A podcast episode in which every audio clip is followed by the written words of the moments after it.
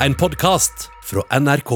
En time før sending så satt jeg med en litt sånn nervøs følelse av at vi kanskje hadde tatt oss vann over hodet når vi satte oss fore å bore i de forskjellige rare og paradoksale utslagene av eh, regel, de mange lagene med regelverk. Altså alt fra forskrift til råd.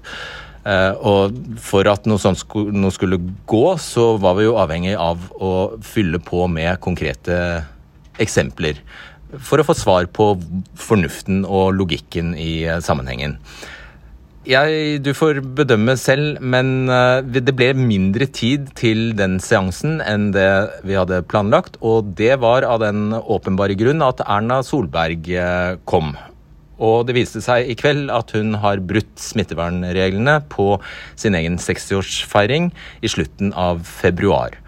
Og hun stilte opp i debatten, og det, det er det du skal få høre aller først eh, her. Et intervju med Erna Solberg som forklarer hvordan det kunne gå til at hun brøt sine egne regler. Liv og lære fordi Erna Solberg bryter sine egne regler. Forvirrende fordi verken statsministeren Arbeiderpartiets nestleder eller helsedirektøren kan reglene. Så hva skal vi andre tro, da?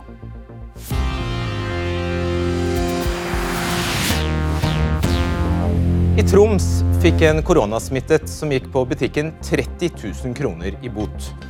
I Hattfjelldal fikk to personer bot på 10 000 kroner hver for å ha passert en grenseovergang uten mulighet for testing. I Sandviken i Bergen slo politiet til mot studenter som hadde fest, og ga dem bøter på 5000 kroner hver. Alle ga uttrykk for anger. Men anger hjelper ikke hvis man er student. Straffene er skjerpet, og hovedregelen er nå at personer vil bli anmeldt når man blir tatt for ikke å følge koronapålegg. Så da er det vel gitt at du melder deg for politiet i Hol kommune og betaler forelegg for at du to dager på rad brøt smittevernreglene, statsminister Erna Solberg? Eh, jeg brøt forskriften, eller jeg brøt den ikke, men min familie brøt forskriften da vi eh, hadde middag på Hallingstuen. For fordi at vi trodde at vi ikke var et arrangement. Eh, burde ha, jeg burde ha kunnet reglene bedre. Jeg var jo som sagt ikke til stede på denne middagen. Jeg var på Ullevål sykehus på kontroll fordi jeg hadde fått hornhinnebetennelse. Og eh, var egentlig vekke fra Geilo både stort sett hele fredagen og eh, store deler av lørdagen. Men vi hadde planlagt for at vi skulle gå ut, for i den troen at Tre familier har det beste smittevernsystemet hvis vi kan gå ut og spise på en restaurant som var åpen for alle andre. Det jeg gjorde feil, var at vi, eller vi gjorde feil, var at vi ikke kunne reglene godt nok om at dette var et arrangement. Hvis dette er eh, straffbart, hvis dette gir bøter, så vil jeg selvfølgelig eh, bidra til at vi alle betaler for det som vi har gjort feil. Det er vel liten tvil om at det er straffbart, Erna Solberg, så har du meldt deg for politiet? Jeg har ikke meldt meg for politiet, men jeg har registrert hva politiet der har sagt i dag. At de har eh, registrert medieoppslaget, og at de kommer til å se på saken etter all sannsynlighet. Og der regner jeg med at eh, de kommer tilbake igjen til meg om det. Greit. Eh, du har jo visst en stund Erna Solberg, at du kom til å bli 60 år. Hvor lenge var det planlagt at dere skulle være så mange som 13 personer i denne restauranten på Geilo fredag den 25. det var planlagt en uke eller to før eh, at vi skulle forsøke å få til en felles middag, og at det ble en felles middag som vi trodde var smittevernmessig den riktige å gjøre, ved å bestille den på en restaurant som var åpen for alle. Eh, så viser det seg at det var et feil. Eh, feil tankegang, for jeg burde ha sjekket det. Men det er noe litt sånn at hvis du ja. Hvis du tror du kan reglene, så sjekker du ikke, og jeg trodde jeg kunne reglene. Eh, så kan jeg bare beklage at jeg åpenbart ikke kunne de godt nok, og at det, eh, at det skulle ikke skjedd. Vet du hvor lenge den 25. februar, vet du hvor lenge denne regelen om maksimalt eh, ti personer på slike arrangementer hadde eksistert? Den hadde arrangert at det at et sånt besøk på restauranter hadde var definert som et arrangement, som var det som er feilen vi har gjort, det, det har jo vært allerede fra oktober av. Eh, men med høyere tall og lavere tall, litt opp og ned. Eh, jeg kan det ganske godt nå etter at vi har gått igjennom det. Det er ingen unnskyldning at jeg ikke kunne det. Eh, at jeg ikke forsto at det at tre familier som spiser på samme restaurant, blir et arrangement. Det eh, når man er over ti stykker. Men eh, jeg kan jo ikke gjøre noe annet enn å si at dette beklager jeg dypt at min familie gjorde. Og at vi planla for å være der. Reglene hadde eksistert i ja, et halvt år da, du, da dere brøt dem. Du sa tidligere i kveld at eh, du ikke, ja, ikke faktisk før NRK stilte deg spørsmålet om dette var et arrangement, så du at det var i strid eh, med, med forskriften. Og som sagt, for at det ikke skulle være et arrangement, så måtte det ha vært færre enn ti personer når dere var i dette serveringsstedets lokaler, som samtidig holdes åpen for allmennheten. Hvorfor Erna Solberg streifet deg ikke før NRK tok kontakt? Det er mange gode spørsmål å stille, og jeg har ikke så veldig mange gode svar på det. Annet enn at jeg ikke trodde at det ble definert som et eh, arrangement når vi var, var der som tre familier til samme restaurant. Eh, eh, men vi var flere enn det. Og det er jo av og til sånn at hvis ikke det har eh, streifet deg at eh, det var definisjonen, så eh, er det først når noen påpeker det, at du blir gjort oppmerksom på det og ser det. Og så er det bare feil. Det er ikke noe grunnlag for meg å unnskylde det eller noe annet. Men forklaringen er bare at eh, den tanken, at det var definert sånn, hadde ikke streifet meg på det tidspunktet. Fordi det var selvfølgelig ikke fordi du trodde dere ville komme dere unna med det.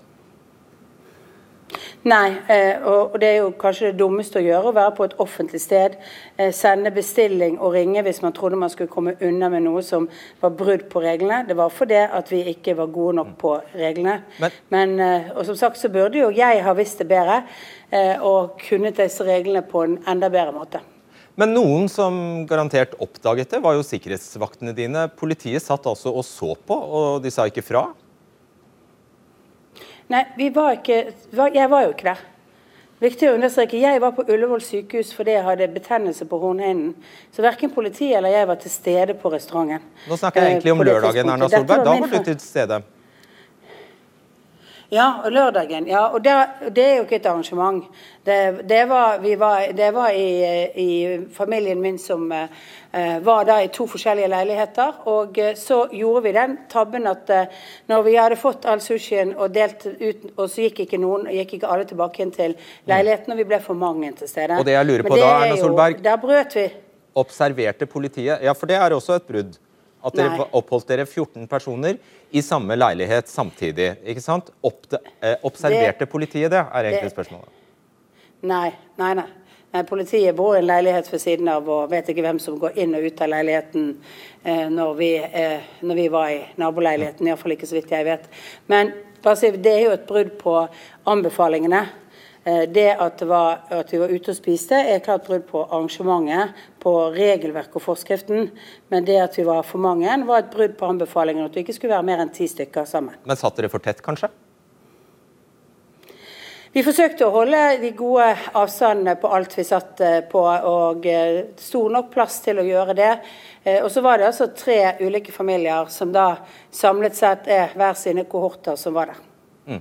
Hva vil du si nå, Erna Solberg, til de familiene som ikke har kunnet feire sine 60-årsdager, som ikke har kunnet gå i begravelser, som ikke kan feire påske pga. din forskrift, eh, forskrift, til de som sitter isolert i leilighetene sine, som følger reglene til punkt og prikke, til de som rett og slett, ja, til de som har fått bøter for å ha gått på butikken, til de barna som ikke får feire bursdager, til de som rett og slett ikke nå lenger vil høre på deg. Hva, hva sier du til dem?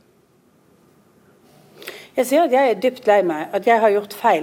Og, og eh, familien vår har gjort feil i måten vi har gjort dette på. Jeg har ikke noen gode unnskyldninger for dette, annet enn at eh, i øyeblikket så ble det sånn uten at man var betenksom omtenksom nok på hvordan reglene var. eh, Og eh, at vi kom i den situasjonen. Og da er ikke noe annet for meg å legge meg flat og si at dette beklager jeg veldig mye. Og jeg skjønner hvis folk er lei seg og sinte og syns at dette er eh, var urimelig, for jeg er jo egentlig litt lei meg og sint på meg selv eh, og også. Er du flau òg? Ja da, det er selvfølgelig flaut. Og eh, mange eh, bortforklaringer. Vi var, jeg var ikke bevisst nok, særlig den lørdag kvelden. Fredag kveld så var dette planlagt, men det var fordi vi hadde feil forståelse av reglene. Lørdagskveld så var ikke jeg bevisst nok på at vi endte i den situasjonen, og burde ha selvfølgelig sendt folk tilbake igjen til den andre leiligheten. Men jeg regner med du mener du selv bør få en ny sjanse? Ja, det får andre gi meg. Det er ikke i så fall eh, jeg som som gir noen egenvurdering på det. Jeg har, pleier å si at når folk gjør feil, så må de få en ny sjanse, men det er andre som får gjøre det. Og så må jeg si at jeg skjønner at folk er både oppgitt og lei seg, og at det er mange som har ofret mye i denne perioden. Og så har jeg trådd feil. Familien min har trådd feil i denne sammenhengen. Eh, og det kan ikke jeg annet å gjøre enn at jeg sier at jeg dypt beklager. Til slutt, Erna Solberg. Eh, det har jo vært en ganske ja, en parallell sak i Nordland, som du sikkert har fått med deg, med Arbeiderpartiets nestleder Bjørnar Skjæran, som gikk på fest etter årsmøtet til Nordland eh, Arbeiderparti. Veldig stille fra de øvrige partiene. Er dette grunnen til at du ikke har sagt noe? Satt, for dette visste jo du, da, at du hadde brutt reglene selv. Altså, Jeg visste ikke at jeg hadde brutt reglene før uh, NRK kontaktet uh, på, for en dag eller to siden, og vi gikk igjennom hva som hadde skjedd. Uh, jeg hadde altså ikke en tanke om at vi hadde brutt reglene før da. Ok, Takk skal du ha, Erna Solberg. Lars Nehru Sønne, hva skal vi si til dette, da? Nei, det er jo sånn det ser ut når politikere ikke følger de reglene de selv har vedtatt. Og det er jo den type liv- og læreproblematikk som, som ofte skaper veldig stor forargelse i, i, Norge. Det er ofte sånne saker som, som, blir større enn seg selv, rett og slett fordi folk eh, forventer mer av de politikerne som, som laver eh, lover og regler, at de følger den. Og så tror jeg Hvis Erna Solberg hadde leid ut en hytte ved en feil eller gjort en eller annen sånn feil, så så ville eh, kanskje mange tenkt at det angår ikke dem på samme måte. Men nå er det jo i en veldig spesiell tid sånn at vi alle står oppe i dette smittevernreglementet. Mange er redd for å gjøre feil. Eh, mange bryr seg ikke, eller Enkelte bryr seg kanskje ikke om det fordi eh, de føler det, det er for tungt regime, men de aller fleste følger jo reglene. Og da er det sikkert ekstra bittert, vil noen mene, at uh, hun som lager de reglene, hun som ikke bare bestemmer det, men hun er med i alle diskusjonene på uh, hvorfor reglene skal være som de blir, uh, at hun ikke selv klarer å ha oversikt over hvordan det er. Det er kanskje vanskeligere for henne å argumentere for så strenge regler? Ja, altså Det må vi jo håpe at det ikke blir. i den forstand vi Alle vil jo at uh, storsamfunnet skal ha de reglene som virker best mulig for å bekjempe smitten. Det er vel i alles interesse. Men hvis dette gjør det vanskeligere for regjeringen, som fra før av er kritisert for å ha et ganske eh, vanskelig regelverk med ulike nivåer og, og, tall som går opp og ned på, på antall man kan samles osv. Eh, hvis det gjør det vanskeligere, så, så kan jo det i, i, verste fall gjøre at eh, regjeringen tar andre beslutninger enn de ellers ville gjort. og det Eh, får vi jo håpe at de uansett tar de beste beslutningene for, for samfunnet. Mm. Et bedre ord enn strenge regler er kanskje innfløkte regler, når du sier det, og det skal for så vidt resten av debatten handle om i kveld, Lars Nehru Bare raskt innom Erna Solberg og hennes statssekretær, det ble jo et voldsomt spetakkel da det viste seg at han hadde tipset eller gitt videre kontaktinformasjon til VG da Molde-ordføreren ville eh, ha på kritikk av Raimond eh, Johansen. Da innkalte hun til hastepressekonferanse og hang Peder Egseth til tørk på nasjonalt eh, fjernsyn. Syns du denne saken er mer alvorlig enn hans?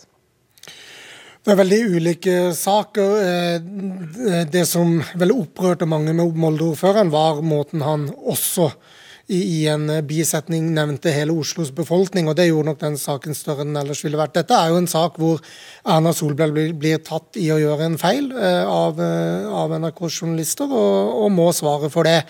Eh, og Det er vel en sak som alle medier har plukket, plukket opp. så, så Sånn sett så, så, blir det jo et massivt trøkk på, på, denne saken også. Spesielt også i lys av, som du jo nevner, den saken med Arbeiderpartiets nestleder i, i Bodø. Og så handler jo dette som du sier, det handler jo om noe så stort som tilliten til et regelverk som er der for at folk ikke skal dø. Helt ned til sånne helt prosaiske detaljer som hvordan bestiller man seg et, Reserverer man et eh, restaurantbord nå til dags? Og hva har vi lært om det å reservere bord på restaurant etter denne saken? Ja, For det første at verken gjestene eller restaurantene er særlig oppmerksom på hva det er. Altså Hvis det er sånn at man ikke har lov til et arrangement med mer enn ti personer, så burde jo enhver restaurant som får inn en bordbestilling med et så høyt antall, avslå det. Det er jo det ene, fordi restauranten kan jo bli medstraffeskyldig her eh, hvis det blir en straff.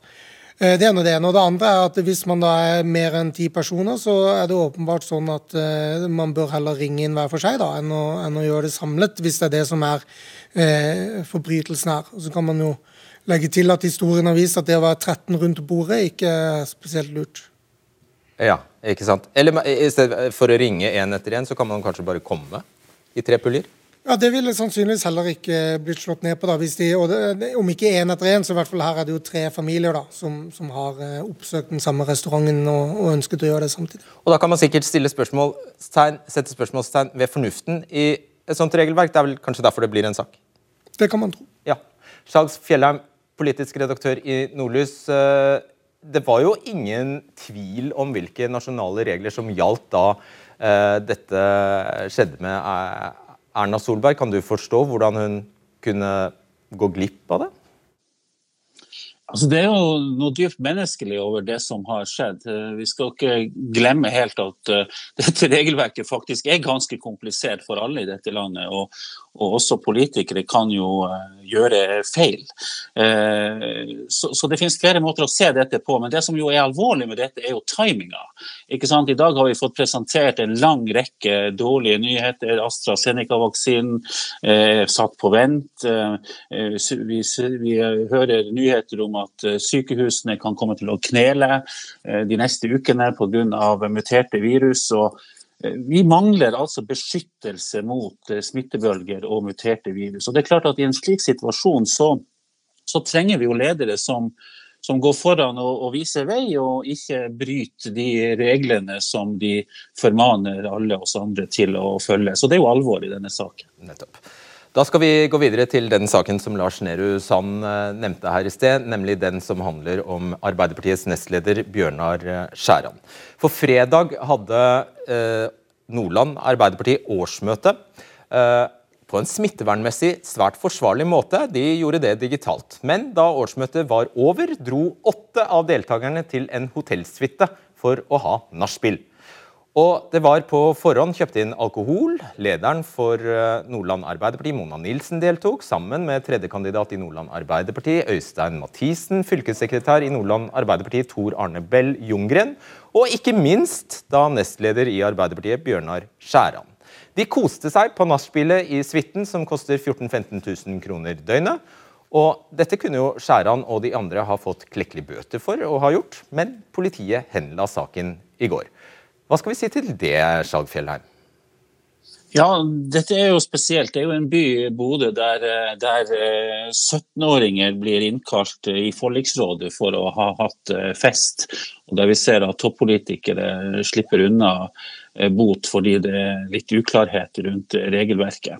Så, så, jeg tror den saken Nå kan man jo si at Skjæran eh, blir jo litt reddet av Erna Solberg sin fadese på, på Geilo. da, og, og at han sånn sett um, Dette kanskje ikke kommer i et like alvorlig lys, det som skjedde i Bodø i helga. Men det er jo veldig spesielt at Skjæran uh, oppsøker denne festen, som jo han må forstå er et brudd på, på smittevernreglene, og at han i tillegg da ikke som nestleder i Det norske Arbeiderparti Eh, jager alle disse folkene i, i seng eh, i en by som er totalt nedsmittet og kjemper mot eh, både det sørafrikanske viruset og det engelske viruset. Bodø er jo en av byene i, i Norge som er hardest rammet nå, så dette var jo veldig umusikalsk av nestlederen i Arbeiderpartiet. Ja, men så har han jo, han har jo Det er ikke mulig å legge seg flatere enn det Skjæran gjorde, og han har beklaget og beklaget og beklaget. Hva, men likevel så sier du at han løper fra ansvaret. Hva skulle han ha gjort? Ja, altså det, som er, det måten jeg syns han løper fra ansvaret på, er jo at han, han, han, han, skaper et inntrykk av at han nesten var en slags tilfeldig gjest inne på dette nachspielet etter, etter, eh, det digitale eh, fylkesårsmøtet i Nordland Arbeiderparti. Eh, men han har jo et ansvar som ledende, altså sitter i toppledelsen til Norges for tiden nest største parti. Og, og, det er klart at Han skulle jo ha grepet inn her og tatt ansvar. Eh, han er jo eh, i dette selskapet en autoritet og burde jo ha skjønt at dette, denne festen eh, skal vi ikke arrangere. Nå må vi gå hjem og nå må vi forstå hvilken by og, og den situasjonen som er i Bodø, at dette tar seg veldig dårlig ut. Jeg er ikke overraska over at dette ble oppdaga og lagt ut til den lokale pressen i Bodø og ble kjent for hele landet landet. For eh, folk finner seg jo rett og slett ikke i eh, slike ting. Vi går videre til Stig Harald eh, Solheim. Du er professor ved Det juridiske fakultet ved Universitetet i Tromsø. Skal straks komme til skjæret, men jeg vil bare ha en liten kommentar om statsministeren. Hvilken, hva, hva, mener du hun har gjort seg skyldig i her? Nei, nå tar jeg litt forbehold om at eh, fakta ikke er helt klarlagt, men det kan jo se ut som det er et brudd på den nasjonale koronaforskriften paragraf 13 a, Eh, om at man ikke kan forsamle seg mer enn ti stykker i en privat sammenkomst. Og det straffes med hvordan, uh, hvordan straffes det?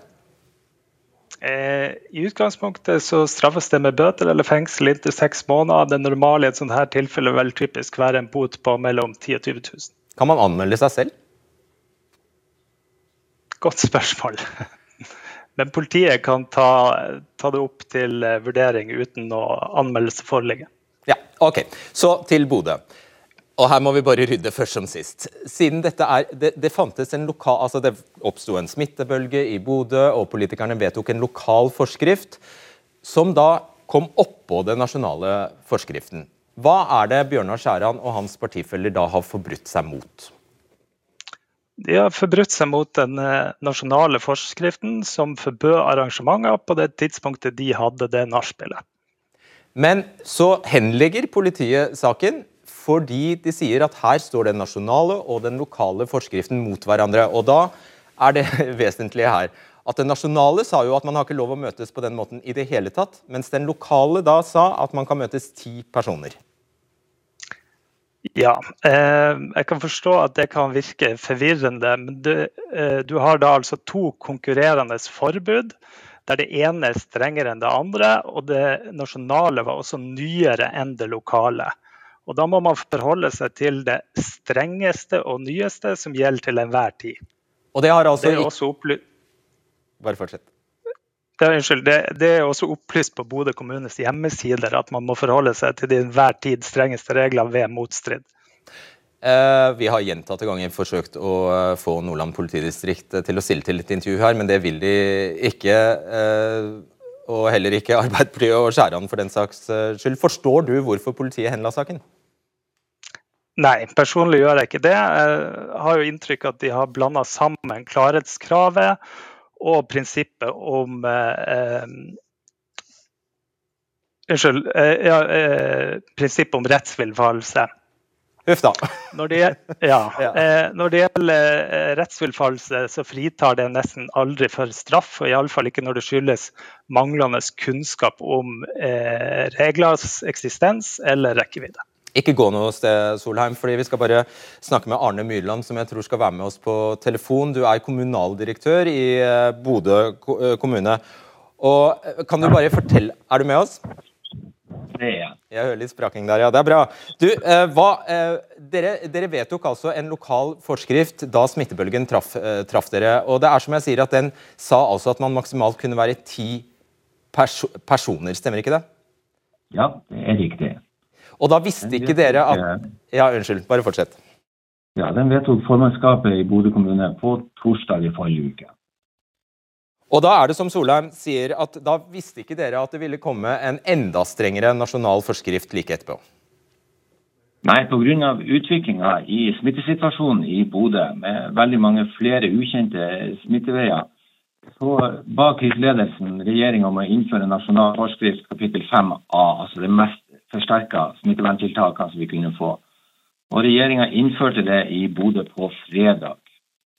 Så dere i kommunen i Bodø kommune har trodd at denne forskriften, om det var, eller disse forskriftene, uansett hvilken det er som gjelder, og det er jo den strengeste har vi skjønt, som skal gjelde, at den ville føre til at Bjørnar Skjæran kunne straffeforfølges og bøtelegges. Og de andre, da. Ja, vi la til grunn at reglene var klare, det er den strengeste bestemmelsen som gjelder, og at bruddene kunne sanksjoneres. Ja. Er du overrasket over at det ikke skjedde? Ja, vi i Bodø kommune er overraska over det. Men det er jo politiet som vurderer og konkluderer i straffesaker. Greit. Tilbake til deg, Solheim. Nå finnes det jo flust av eksempler på at folk bøtelegges for selv de minste brudd på koronareglene. Og man kan, eh, Politiet er ganske rundhåndet med bøter. Hva bør politiet gjøre i en sånn sak, profilert sak som dette her? Nei, Det er klart at det er viktig at uh, de reglene som politikerne er med og vedtatt, håndheves minst like strengt overfor dem som overfor vanlige borgere. Det handler jo både om uh, den allmennpreventive effekten, men det handler jo også om legitimiteten til hele regelsettet. Og nå har, politi, har politiet nå de hjemlene de trenger? For nå har Bodø kommune endret forskriften sin. ikke sant? Nå, nå er type, ti, dette, denne setningen om ti personer er fjernet. Ja, jeg mener de har de reglene hele tida. Ok. Tusen takk. Ja. ja, greit. Vi lar det være med det. Tusen takk skal dere ha.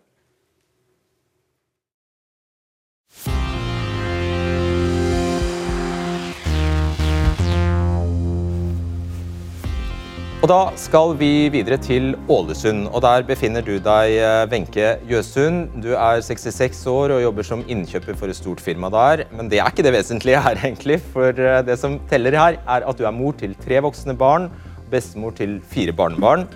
Problemet er bare at de bor i Oslo. og Planen var at de skulle komme hjem til påske. Nå er du usikker på om dere eller de våger det? Hva er problemet da? Problemet er jo disse her endringene i eh, råd og regler. Og det skifter jo utrolig fort, og det er veldig usikkerhet med hva som er hva.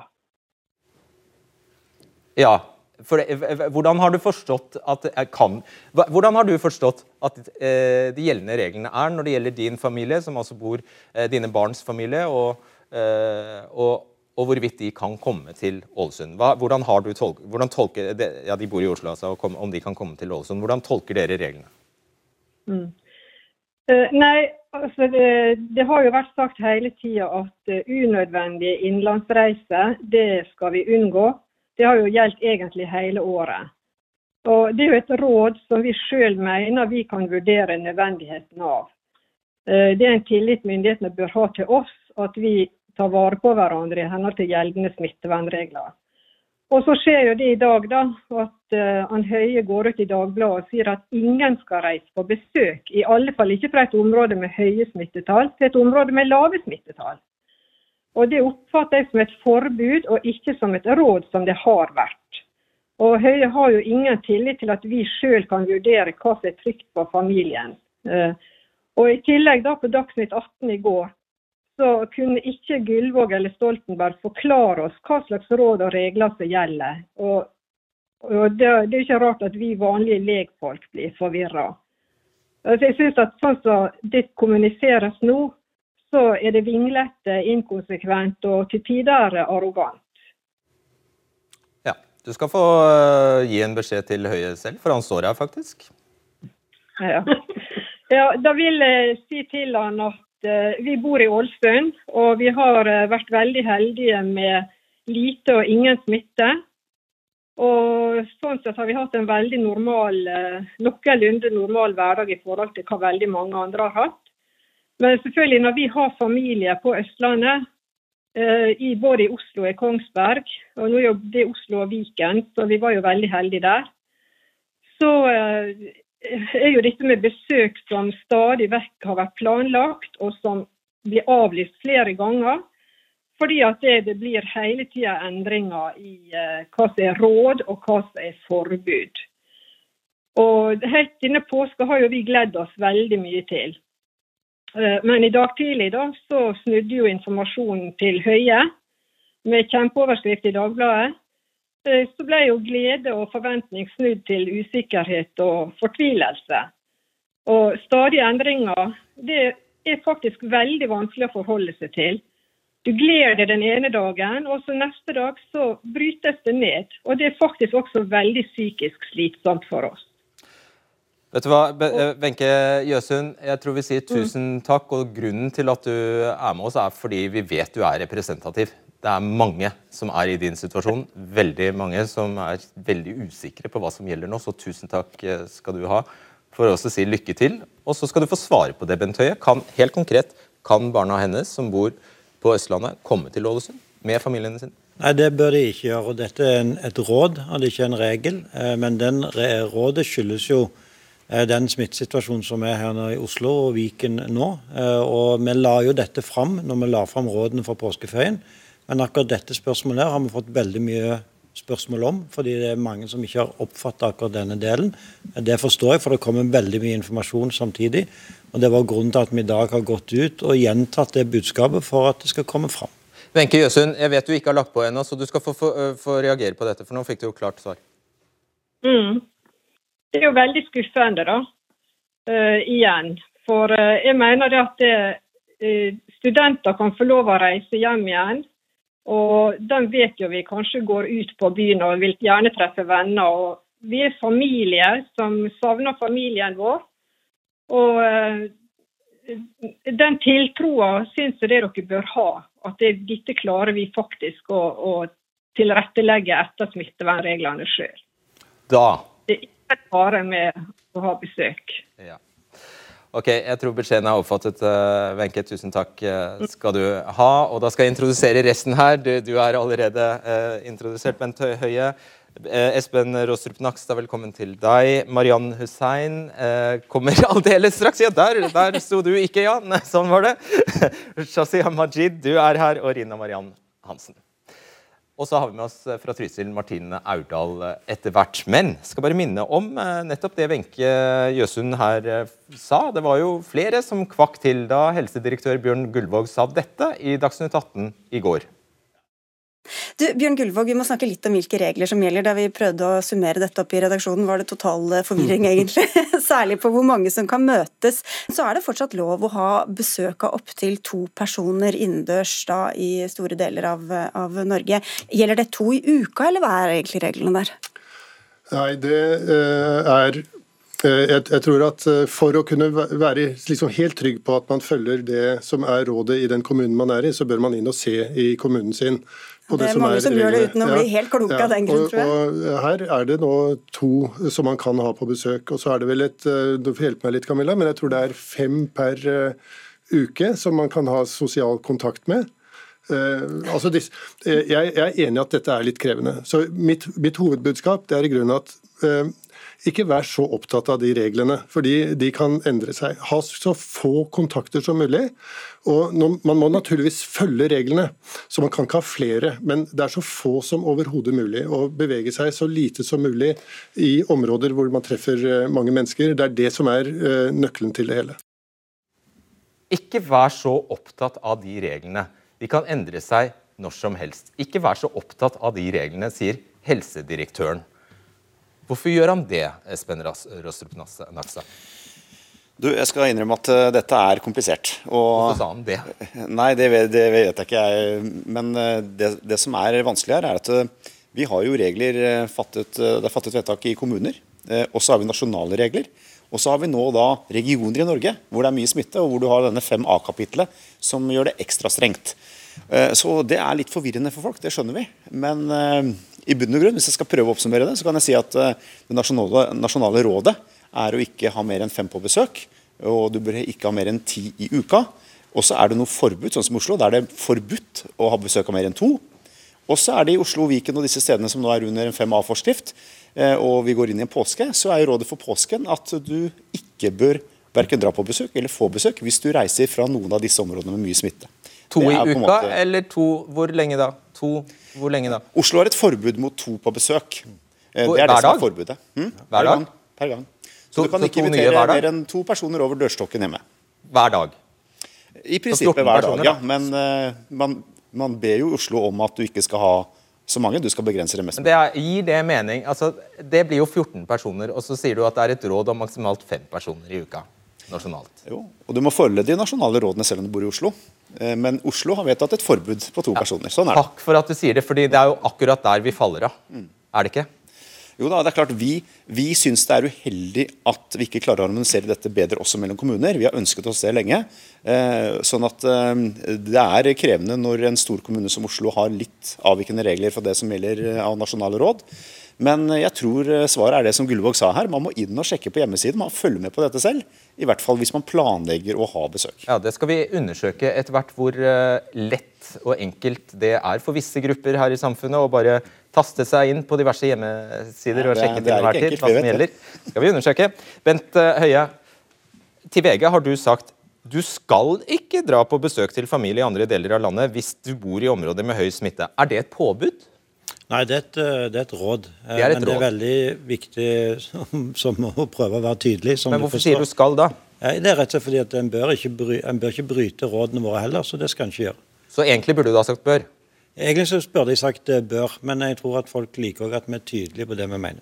Nei, det tror ikke jeg. Det er akkurat derfor vi har denne sendingen. Fordi folk vil vite hva er et råd, hva er et påbud, hva er, eh, hva er, en, eh, hva er en anbefaling. Ja, min erfaring er at folk flest ønsker å følge både reglene og rådene våre. Eh, og råd, Dette er et råd om å ikke gjøre det. Og mens eh, I Oslo så har de vedtatt en forskrift som forbyr mer enn to på besøk. og Det kan en da bli straffa for. I samme artikkel så sier du, Nakstad, bør til det samme spørsmålet. Hvordan kan det ha seg? Nei, jeg sa bør fordi det er et råd og ikke en forskrift. Sånn at uh, bør og skal bruker man vanligvis juridisk da med at skal være et pålegg. Uh, ofte forskriftsfestet, og bør er et råd. Men uh, dette er jo sånn som man mikser i hverdagstale også. sånn at dette er ikke noe krav om at man snakker på den måten. Men, men i Norge så er det sånn, så går vi tilbake et år, så var det ingen som stilte spørsmål om forskjellen på dette her. Det var først inn mot sommerferien at journalister også begynte å spørre om forskjellen på forskrift og råd osv. Og, og nå er det veldig viktig, fordi nå er vi lei, og nå blir det sanksjonert. Og da blir dette en viktig diskusjon. Ja, da lurer jeg på en ting. Hvis det er gradsforskjeller her, at det ene er viktigere enn det andre, og det ene, det aller viktigste blir nedfelt i forskrift, og det som ikke er så viktig, det er bare råd, hvorfor er ikke alt nedfelt i forskrifta, hvis alt er like viktig? For Da blir det veldig mye mer komplisert. Eh, rett og slett fordi at eh, Det er min erfaring at når man skal forskriftsregulere ting, og ikke minst det som handler om hverdagen til folk, så eh, fører en hovedregel i en forskrift til at du òg må ha en veldig mange ulike typer unntak. F.eks. dette rådet som vi nå har om å ikke ha besøk eh, mange steder. Der har vi jo unntak for at hvis du bor alene, så kan du ha én eller to faste venner. Eh, du kan ha en fast husstand som du besøker med. Det er en gode råd som vi gir. Eh, men, betyr det at, når du sier råd, betyr det at vi kan bryte det litt? Eh, nei, det betyr ikke det. Men det betyr at hvis jeg skulle lagt en, dette om til en forskriftstekst, da skal jeg love deg at det hadde blitt veldig komplisert. Mer komplisert enn nå, tror ja, du? det hadde det. Ja, det kan jeg love deg. Jeg kan, ja, det vil jeg kan bare legge til at Det har jeg gjort mange forsøk på. Fordelen med råd er at de kan endres ganske raskt. og Det er akkurat det vi ser nå inn mot påsken, at smittesituasjonen i Norge har endret seg voldsomt nå på et par uker. og Da er det nødvendig også å presisere råd for påsken. Hvis det skulle forskriftsbehandlet og gått gjennom hele kverna, så hadde det blitt uhyre komplisert. så Det er egentlig den beste forklaringen. Det skjønner vi. Men så er vel egentlig poenget til syvende og sist at dere er avhengig av å få med få med dere så mange som mulig av oss, og at vi da trenger klarhet. ikke sant? Så mye som mulig. Martine Aurdal, kommentator i Dagbladet. Før du får uh, si litt om uh, Fra hytta. Mm.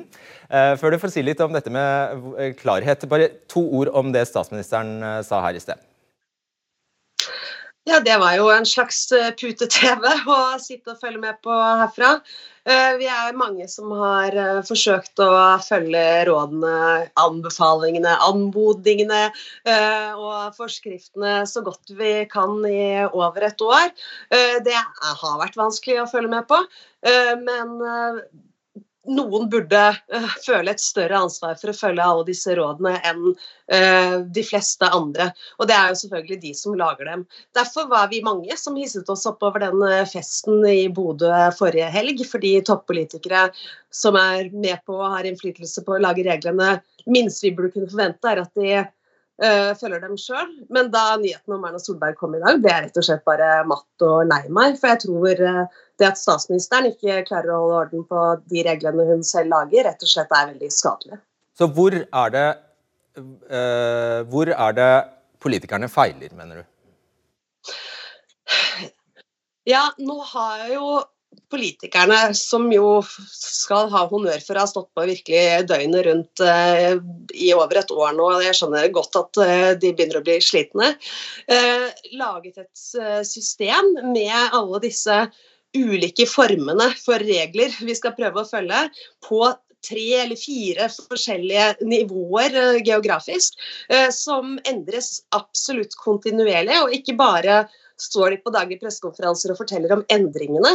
Eh, men de står også på store pressekonferanser og forteller om hvilke endringer som kanskje kan komme til å komme neste uke eller uka etter. Nå sto jo f.eks. statsministeren i forrige uke på pressekonferanse og advarte om at hvis smitten øker ytterligere, så kan vi få enten dette eller dette eh, nasjonale regimet og gikk detaljert inn på de ulike rådene. Eh, som Bent Høie denne uka sto og sa kanskje kan komme hvis smitten øker enda mer nå.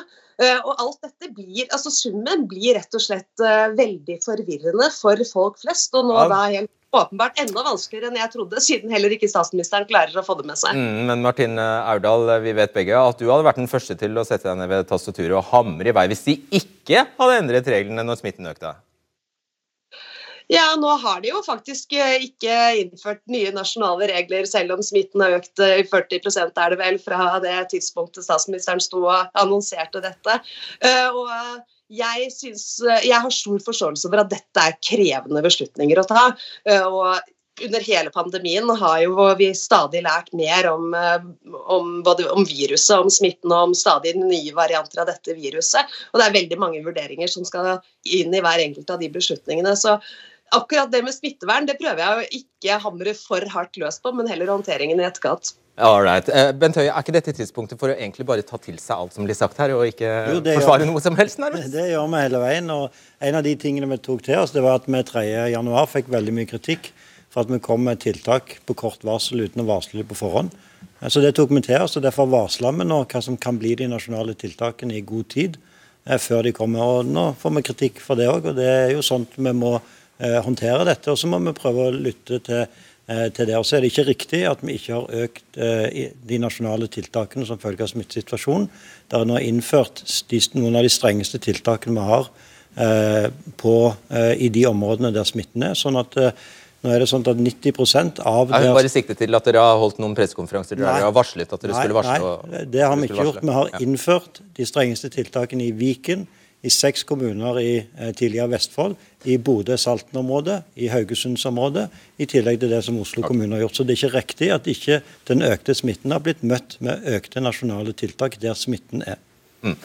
Skal, eh, Naksa, du skal aldeles uh, straks få slippe til, men uh, Shazia Majid, du er journalist og kommentator i VG.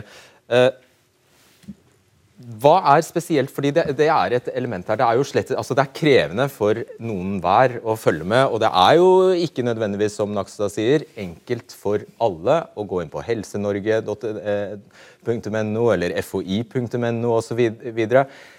Blant de som kanskje ikke for, for, å si det som det er, blant minoriteter, hvilke ekstrautfordringer møter de på? Altså jeg tenker jo på dette her med bør og skal ble, ble, vi klokere nå? Vi ble jo bare mer forvirret. Du, altså, og vi er norskfødte med norsk som førstespråk. Da kan du bare tenke deg hvordan dette her er for folk som ikke har norsk som førstespråk. Og så vet vi samtidig at smitten er størst i Oslo, i de delene hvor det er veldig mange innvandrere som bor. Og når kommunikasjonen er så dårlig som den er, så er det alvorlig. Og Én ting er hvordan dette her var for ett år siden. Da kan jeg forstå at det er krevende, det er litt armer og bein, men nå er det så mye klabb og babb. Og, og det har konsekvenser. Så, så, så, meg, så når selv Hva er de konkrete konsekvensene, da? Altså, det, det, som uroer meg mest, er jo at det kommer veldig mange endringer veldig fort. Og så eh, overlater man det arbeidet med å spre denne informasjonen til etnisk minoritetsbefolkning til frivillige organisasjoner, moskeer, bydelsmødrene osv. Altså det vi trenger, er hurtig informasjon ut i statskanaler, altså på TV. Og der er Altså, Informasjonen er for komplisert. Den fremlegges i en lang pressekonferanse. Pressen er jo heller ikke på. Altså, Vi trenger oversettelser der og da. Vi trenger å få ut informasjonen. Altså, Moren min hun eh, ser lite på norsk TV, men hun ser på Dagsrevyen og hun ser på nyhetskanalen. Og Det er der hun får sin informasjon. Og Så kommer det sånne diskusjoner om bør og skal og forskrifter. Vi trenger klar tale hurtig ut. Hm. Du skal få supplere dette her, eh, Mariann Hussein. Du eh, er selv oppvokst for Stovner og representerer Oslo SV helt i det konkrete, hvordan, hvilke utfordringer Hvis man ikke behersker La oss si at man ikke behersker eh, norsk helt flytende. Hva gjør, hva, hvor skaffer man seg da informasjonen, egentlig? Dagsrevyen blir nevnt her, men ellers? Altså Det som vi så i fjor, var jo at eh, minoritetsmiljøene selv tok ansvar når de så at det myndighetene satte i gang, ikke var tilgjengelig. Eh, man hadde oversatt noen brosjyrer og så lagt det på en nettside. Og, og, eh, mange av de som trenger den informasjonen, litt som du sa, de er ikke på de nettsidene. Så noen av de frivillige, f.eks. fra Gamle Oslo, Håpkompetanse, hva gjorde de? Jo, de begynte å lage videosnutter. Delte de videosnuttene på WhatsApp. Eh, samarbeidet på med andre Jeg tror du må forklare hva det er. på WhatsApp, som er en app eh, som, eh, hvor man kan kommunisere. eh, Fungerer som- nesten som SMS, da. fungerer nesten som en SMS. eh, og Der kan man ha mange store grupper. og Der delte de og gjorde den informasjonen mye mer tilgjengelig. Lagde korte informasjonsvideoer som folk forsto. Og opprettet en koronatelefon. Koronatelefon som for øvrig var et av de forslagene som man foreslo, eh, ekspertgruppa i november foreslo for myndighetene, og som fortsatt ikke har kommet i gang. Man skulle ha en koronatelefon på flere forskjellige minoritetsspråker, som var nasjonalt styrt av helsemyndighetene. Eh, mange har etterlyst de, og det er fortsatt, Finnes fortsatt ikke? Nei. Eh, så det kan man jo spørre seg. Men samtidig så må man jo også huske at det her er forskjellskrise som forsterkes av pandemien. Altså De her menneskene levde i eh, frontlinjeyrker hvor de var altså Isma, som har vært på TV 2, ikke sant? jobber selv i frontyrken. Mannen hennes jobber der, moren og faren hennes jobber der. Så her er jo familier hvor flere ledd ikke har hjemmekontor. De har levd et år, mens vi andre har vært hjemme og bakt kaker. Så har de vært ute og jobbet og tatt det smitte, smitterisikoen. Mm. Rine Mariann Hansen, du er byråd for arbeid, integrering og sosiale tjenester fra Arbeiderpartiet i eh, Oslo. Denne covid-19-forskriften er i dag svært vanskelig å forstå, selv for høyt utdannede norsktalende personer som jobber med forskriften i det daglige, skriver FHI i sin eh, vurdering av smittetiltakene i, eh, i Norge. Hva gjør Oslo kommune for å bøte på det vi har fått beskrevet her? Eh, nei, Vi har jo ingen tro på at eh, alle i Oslo sitter og følger pressekonferansene verken til Bent Høie eller Raymond Johansen, eh, samme hvor vakre de noen ganger er, og er hvor mye, hvor mye omsorg de viser for oss. Eh, så tror vi ikke at det er primærkilden for informasjon til vår befolkning. Eh, og nettopp de erfaringene vi høsta i fjor, er at eh, vi kan oversette og legge ting ut på kommunens nettsider, men det som virkelig når gjennom til vår befolkning, er dialog. At vi er ute, snakker med eh, innbyggerne. Ikke bare pumper informasjon ensidig ut, men at vi faktisk også kan ha samtaler og, og sjekke om folk skjønner det også. Da. Det gjør jo at vi har både et samarbeid med de frivillige, som eh, Hussein peker på, men også at vi har satsa ganske mye på å ansette folk ute i bydelen som går og banker på dører og har samtale samtaler med folk. Når, eh, bare helt praktisk da. Ja. Når, når det finnes ett sett kommunale regler, ett sett som altså de endrer, kan ja. finne på å en, eh, endre reglene i løpet av et eh, Mm. Det er forskjellige Ja. regler fra soloppgang til sol, solnedgang. Hvordan skal dette oversettes til 20 språk, f.eks.? Sånn. jevnt over, så har reglene i Oslo vært strengere enn de nasjonale reglene. Eh, I hvert fall siden en eller annen gang i høst. Vi har, hatt, vi har jo levd, Her i Oslo har vi jo levd med begrensningen på ti personer totalt i en husstand. Eh, kanskje ikke hvis man er flere enn det som bor i huset fra før, men totalt ti personer. Eh, og ikke noe råd om ti og noen på besøk og noen inn, men det har vært en absolutt grense. Eh, nå er det maks to på besøk, det er forskriftsfesta. Fra vår side har vi vært veldig opptatt av, å kommunisere våre regler til våre innbyggere. Og det er jo også det vi gjør i dialog med eh, de minoritetsorganisasjonene vi har eh, et nettverk med i Oslo kommune. sånn at de sprer også den informasjonen som handler om Oslo. For det er jo tross er- alt, ikke sant? Det er den befolkninga Ikke trenger. Men er vi der innom et eh, visst problem? At kommunen tar ansvar for å viderebringe informasjon om de kommunale forskriftene, og så er det altså, i, i, ikke helheten? Det, det jeg er opptatt av, er at når endringene nå kommer så hurtig, og situasjonen er så alvorlig som den er i Oslo, så må ansvaret for informasjonen, for kommunikasjonen, løftes. Altså Noen må ta kommunen, eller om det er kommunen eller om det er staten. At det løftes og, og eh, strømlinjeformes, da, sånn at det blir likt og klart for, for de som trenger det mest. Og hvordan har, har dere ikke, Det er jo smått utrolig, og dere ser smittetallene også. Det er jo smått utrolig at dette ikke er på plass et år etterpå. Det er veldig feil fremstilling. Altså for Det første som jeg sier at eh, det du ser bak deg der, med alle disse forskriftene, det trenger ikke folk flest å lese. Det er hvis du skal gjøre noe helt spesielt, ha et arrangement osv. Da må du begynne å lese litt. Men Oslo kommune og Helsedirektoratet og FHI og veldig mange andre og veldig mange kommuner har jobbet intensivt i hele pandemien med å oversette ting, voice videoer på sosiale medier. Gjort enormt, hatt masse møtearenaer med ulike miljøer. Eh, Og ting oversettes hele tiden. Så det er gjort utrolig mye. Det kan aldri bli bra nok. Det er helt riktig. Eh, Og det som er viktig, er jo at de grunnleggende viktige endringene, f.eks. hvor mange kan møtes, det må alle kunne. Hvor kan jeg teste meg? Det må alle vite. Hvordan er karantenereglene? Det må alle vite. Og Nå sitter det et callsenter i Norge og ringer tusenvis av mennesker som kommer over grensen hver dag. Og informerer dem på sitt eget språk om hva som gjelder av karanteneregler f.eks. Så det gjøres veldig mye, men det kan ikke bli bra nok. Det er riktig. Ok, eh, Jeg får beskjed om at tiden renner ut, men jeg vil bare at du skal fortelle. Hvor er, er, hva, hva er den primære reaksjonen? nå? du må være helt kort. Er, de, er, de frustre, er folk frustrerte? Er de oppgitt? Hva er liksom eh, Folk, folk er jo lei, altså tiltaksleie, men jeg tror også at folk føler at de nødvendigvis ikke helt er tatt med. Altså Veldig mange av mine venner tenker jo sånn OK, men har ikke Norge en beredskapsplan for mine folk? Og så ser man også at mange politikere dessverre har brukt smitte til også å drive med hets av minoriteter, som også skaper en del eh, frustrasjon, da, for folk er jo ute og gjør dugnadsarbeid. Det var en heftig påstand, og hell, jeg tror ingen av dem er til stede her. i hvert fall. Jeg får beskjed om at det er over. Beklager. Ja, sorry. Det kommer nye sendinger. Jeg tror du blir invitert igjen. Mistenker det. Takk for oppmøtet, alle sammen. E-postadressen vår er debatten krøllalfa nrk.no. Vi ses på tirsdag. Jeg må jo innrømme at eh, jeg får jo omtanke og syns jo egentlig synd på politikerne som blir satt i disse situasjonene.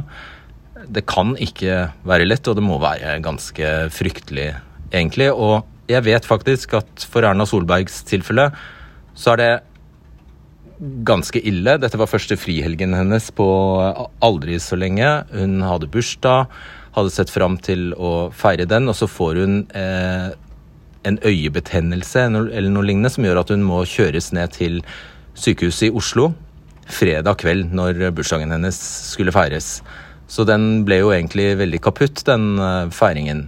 Så kjøres hun opp til på lørdagen, og på søndag så sprekker altså denne Molde-saken til alt overmål. Så da må hun håndtere den, og så kommer dette på toppen.